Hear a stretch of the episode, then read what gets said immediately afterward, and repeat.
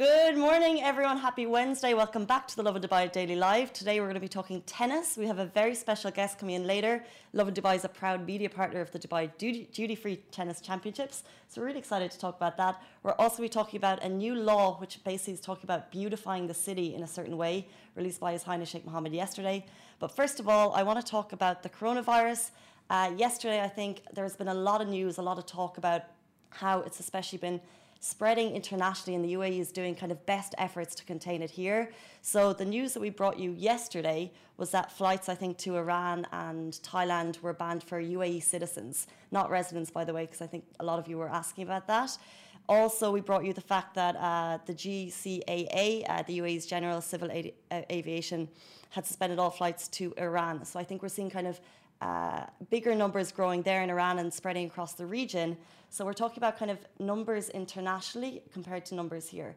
So in the UAE, there's 13 confirmed cases and three recoveries, which is fantastic. But internationally, we're looking at China, of course, where the disease originated, 77,000 cases with 27,000 recoveries. South Korea then is second with 977 cases, 22 total recoveries. Italy, actually, yesterday, we're hearing a lot of kind of uh, growth in European countries. So Italy has 232 cases with seven deaths. And also, uh, we saw a story yesterday of a Tenerife hotel, so a European hotel in lockdown. So we're getting um, information that these cities are in lockdown. So it's uh, if you're worried about it, like I said, we always say go on to the Ministry of uh, Health and Prevention on Twitter to get the preventative techniques for you. Um, one thing I want to talk about is respiratory masks. So, of course, online, the UAE is bringing us all the ways to prevent it. So, we've talked about hand washing, 20 seconds, staying, uh, keeping away your personal distance. The one thing that's not, and obviously if you're sneezing, sneeze into your nose, um, that kind of thing. One thing that's not mentioned by the Ministry of Health and Prevention is respiratory masks. However, we're still seeing loads of people wearing them. So if you go outside, I think if you go to the metro, the mall, people are kind of doing what they can do to prevent the spread of the virus. Uh, so you may have gone to a, I don't know, like a pharmacy to uh, buy one. Guys, have you? We have a couple of people in the studio this morning, by the way. Sharita's here, Richie's, Richard's here, Alan's here. Guys, have you tried to buy masks? Are you wearing them?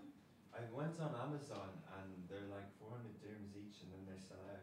Yeah, there's a specific one that a lot of people have been wanting to buy and it really cost that much. It went up to 600 It's one with filters, I think. This is it. So the medicated masks are going up. However, the DED, which is the Dubai Consumer Protection, they actually tweeted like back in at the end of January. So they've been on top of this saying you cannot raise your prices. It's against the law to raise your prices. And if you are raising your prices, um, they are actually monitoring all retail stores and they're also monitoring online stores that are licensed. Um, but I had a quick look on Amazon this morning and I think you guys there mentioned like 400, 600 dirham. There's ones like a basic one which may or may not be medicated for like 100 or 200 dirham, which is a lot of money. And also, if you are wearing them, you're actually uh, recommended to change it. So you might be spending, that's one, but you should be changing it every like two or three times if you're buying for a family.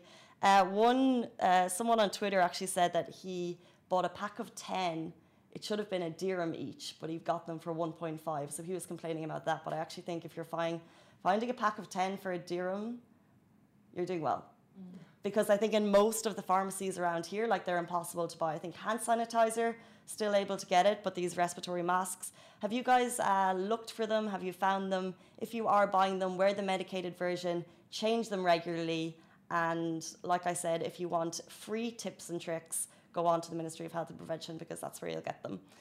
Moving on to our next story, this was a new law. It's kind of timely in time for Expo because we're talking about beautifying the city, making sure it looks beautiful. It was released by His Highness Sheikh Mohammed bin Rashid Al Maktoum, Vice President and Prime Minister of the UAE and ruler of Dubai, yesterday.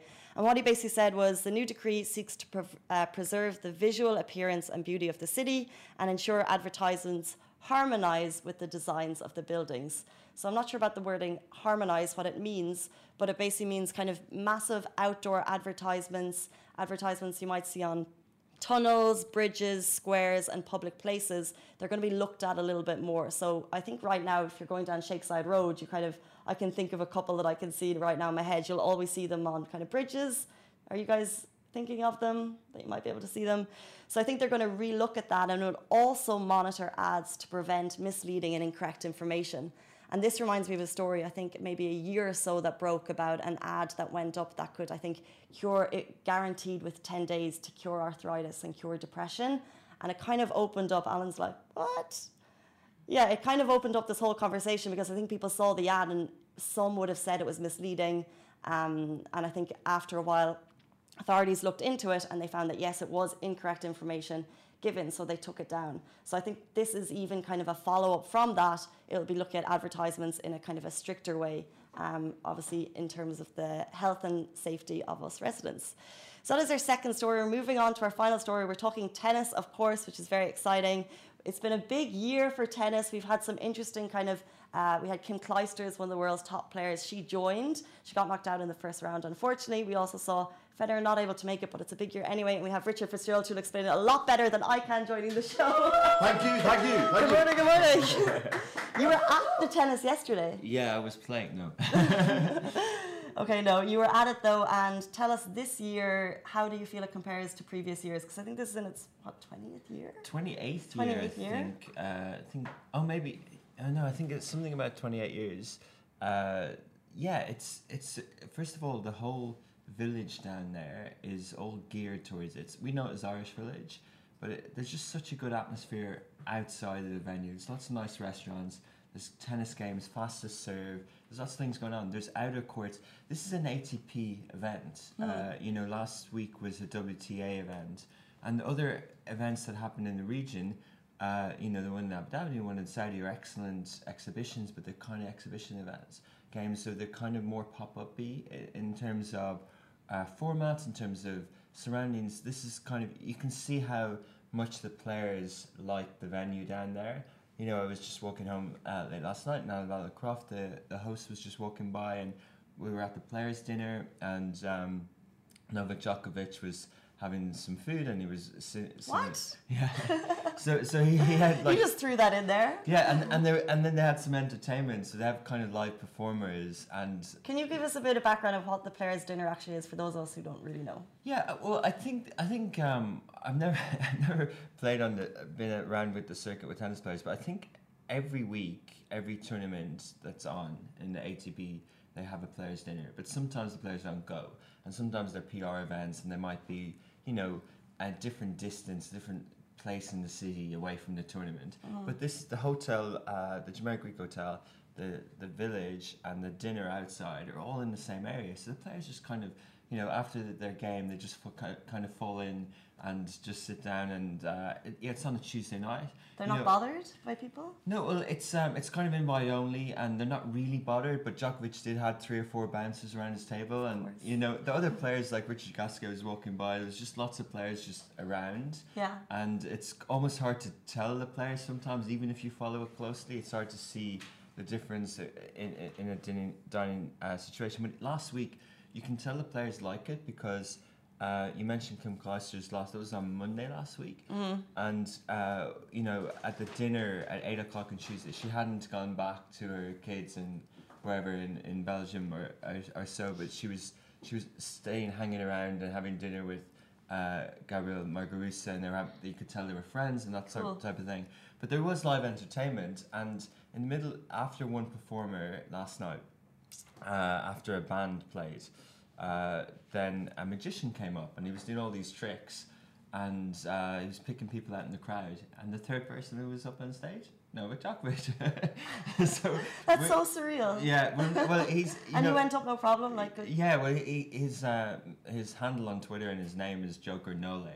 Uh, so I, I kind of play on, on his surname, but he is a joker. He's kind of always fun. We saw him On in- Instagram the last day, yeah, he's yeah, pretty yeah. He's always playing games, and we saw him in Dubai uh, in the uh, NAS Sports facility at Christmas, messing around with Cristiano Ronaldo. They were doing, they were jumping high to uh, head the ball to see how he could jump and things like that. So, so that's the type of personality he is. Uh, I think he's won it four or five times in Dubai, uh, and he's a strong favorite this week. He's playing tonight, so anyone men's ticket is sold out. So if you're lucky enough to have a ticket, uh, I think it's a 5,000 seater stadium. It's it's stunning. They have new LED lights around the court this year. It just goes from strength to strength. Uh, and he's playing tonight at seven o'clock against Kohlschreiber, German guy, and again Maltese is playing afterwards. You've got Gasquet before. There's a big lineup tonight. Huge night tonight. big big lineup tonight and but then you know uh, the outer courts are actually free so uh, there was big queues in the court one uh, yesterday because uh, Novak was playing in the doubles and they lost like six one six love against number one seeds. He, he got annihilated. you know, yeah, he won his singles match in no time the night before.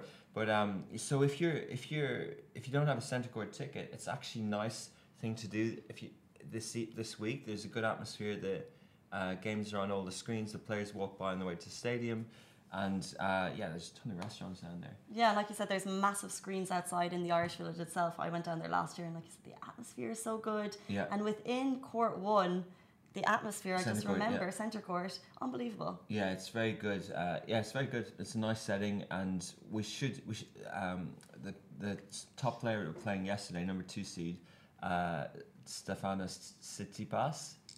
Hope I got it right. Tsitsipas? Tsitsipas. Tsitsipas. Tsitsipas? Something like that. I think it Uh, sits. Sits. Yeah, something like that. Is it? I think so. Uh, yeah. T S I T S I T S. Okay. Uh, so he he kind of came out of nowhere. Uh, he had a great year last year. He won the Masters season ending in uh, in London in the O2, and he just won Marseille last week. He got to semi-finals of Australian Open, um, and he's a very very good player. Uh, and he almost bet Nadal in the uh, um, Mubadala Tennis Championships in December here in the final. Uh, so, but he was relatively unknown when he came out last year, and he surprised everyone by getting to the final and losing to Federer. Uh, and now this year he's number two seed. He's climbed up to four in the world. Uh, so the likelihood is that he and Djokovic will battle it out at the tail end of this week to see who wins the tournament. So uh, people look out for that one. Um, and then you've got some other good players there as well. You've got uh, Paire, French guy, who's doing quite well, and uh, Gasquet, old guy, uh, old, Old guy. older tennis I'm player sure he'd love to hear that. been bit. around the block, but very good player. Uh, and yeah, so there's it's a good it's a good lineup. There's uh, Khachanov, the Russian player. Uh, I think he's Russian, Khachanov. So he's going to be playing Djokovic, I think, tomorrow, the day after, if they both win, and he's quite good. Uh, yeah, so Okay, and before we move on, who would you like to see win? Um, I I think I'd like to. I, you know, I saw two excellent games yesterday. Oh, I forgot to mention. Um, Rublev is also good, a Russian guy to follow. But uh, Fognini, he's Italian. He he's good. He's rated in the world, and he lost to number one English player uh, Evans yesterday. Uh, so uh, what's his first name? Evans. Uh, Lee Dunn. So Evans uh, is not seeded in Dubai, but he beat a, a top player yesterday, Italian. Uh, so there's support on that side. Uh, who would I like to see win? I, I, I'm I'm re- really kind of tennis wise. I'd like to see the likes of Tsitsipas, Zverev, Thiem continue to disrupt the kind of big three, big four. And I think I think you know we saw in tennis last year that's happening. And we thought that maybe one of them would win the Grand Slam in, in Australia, and Thiem almost did. He knocked Federer out in the semi, and he, and he lost in the final.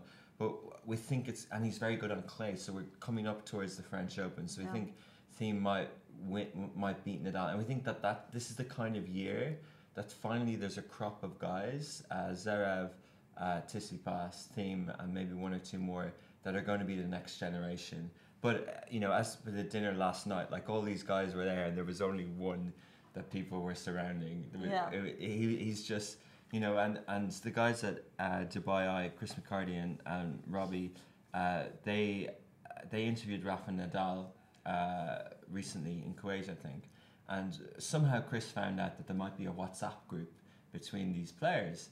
So he kind of started poking around and caught him off guard. And then he and then he asked the same question to Novak this week. And so Roger Federer, Novak Djokovic, and Rafa Nadal have a WhatsApp Of course they do. There's probably a goat symbol there. But yeah, so so it's really interesting. Wow. And they're kind of um and I, I think from a you know, they're leaders of the game and they want to protect the game and they kind of probably discuss these things together. Um, but it does show that they are, you know, and that they're battling it out in the media and on in num- numbers wise to be the uh, most Grand Slams of all time. Uh, so, uh, you know, they don't really they don't say that that's a big thing, but uh, they're clearly a, a class above. But you know, Roger Federer is 38, and uh, And he's out until after the French Open, right? yeah, yeah, yeah, yeah. He he basically took a decision to have a knee operation, um, but I, I obviously he looked, you know, his advisors or his medics said that if you do it now, you can be back for Wimbledon. So unfortunately, Dubai and the French Open and a few others uh, were had to l- lose out on that. Yeah. Well, like you said, there are the big three leaders, but um, this could be the year for disruption. So maybe we'll see Tsitsipas, Tsitsipas take it. yeah, yeah, it could be. It'd be, it'd be Yeah. I think, um, I think, uh, you know, everyone here, you know, Novak will pack out the sold out anyway, but he will be there thereabouts at the end of the week. He's playing Yeah, really absolutely. well. Uh, then you want to see Novak at the end. Like Yeah. It's, yeah, that's what we want as as fans. Like I'm more of a like the, the fact that they have a WhatsApp group that interests me. The fact that the fact that Djokovic was on stage last night with the magician that interests me Yeah. as much as. Anyway, moving on. Just before we finish up, we're talking about the Emirates Airline Dubai Jazz Festival. Is happening this weekend. It's starting today. Lauryn Hill is taking the stage tonight. Bruno Ma- Major is. Uh, before her, and then we have a whole weekend of music at the Dubai Media City Amphitheatre, which is very exciting. yeah, Are you it's a- excited? Are you going? Yeah, I'm gonna go tonight. It's a stunning cool. event. Like Mhm. I everyone knows the, the, uh, venue. the venue. The venue's stunning, but I think they do a really incredible job with the jazz. They kind of created real good atmosphere, and uh, yeah, uh, three big acts again. Like Massive. Lionel Richie, One Republic, so excited. I think all three nights are just going to be absolutely unbelievable in their own different ways because it's three different types of music, but so excited. cool. And we are proud media partner of that event. Yeah, looking forward to it. Our our camel will be there, and we have we have yeah. and if you're there, if you're there and you see the Lovin Dubai ad on the screen, Camilla Cameo. take a screenshot, take tag us on Instagram, and we'll repost, and we might find another way to thank you as well. Guys, they are our top stories. Thank you for joining us. Thank you. And we'll be back tomorrow morning, same time, same place. Bye. Bye. That is a wrap for the Lovin Dubai Daily Live. Remember, we are back with you same time, same place every morning. Do not forget, we also have Dubai Works Business Podcast where Rich sits down with the business people of Dubai so you can get more information about that.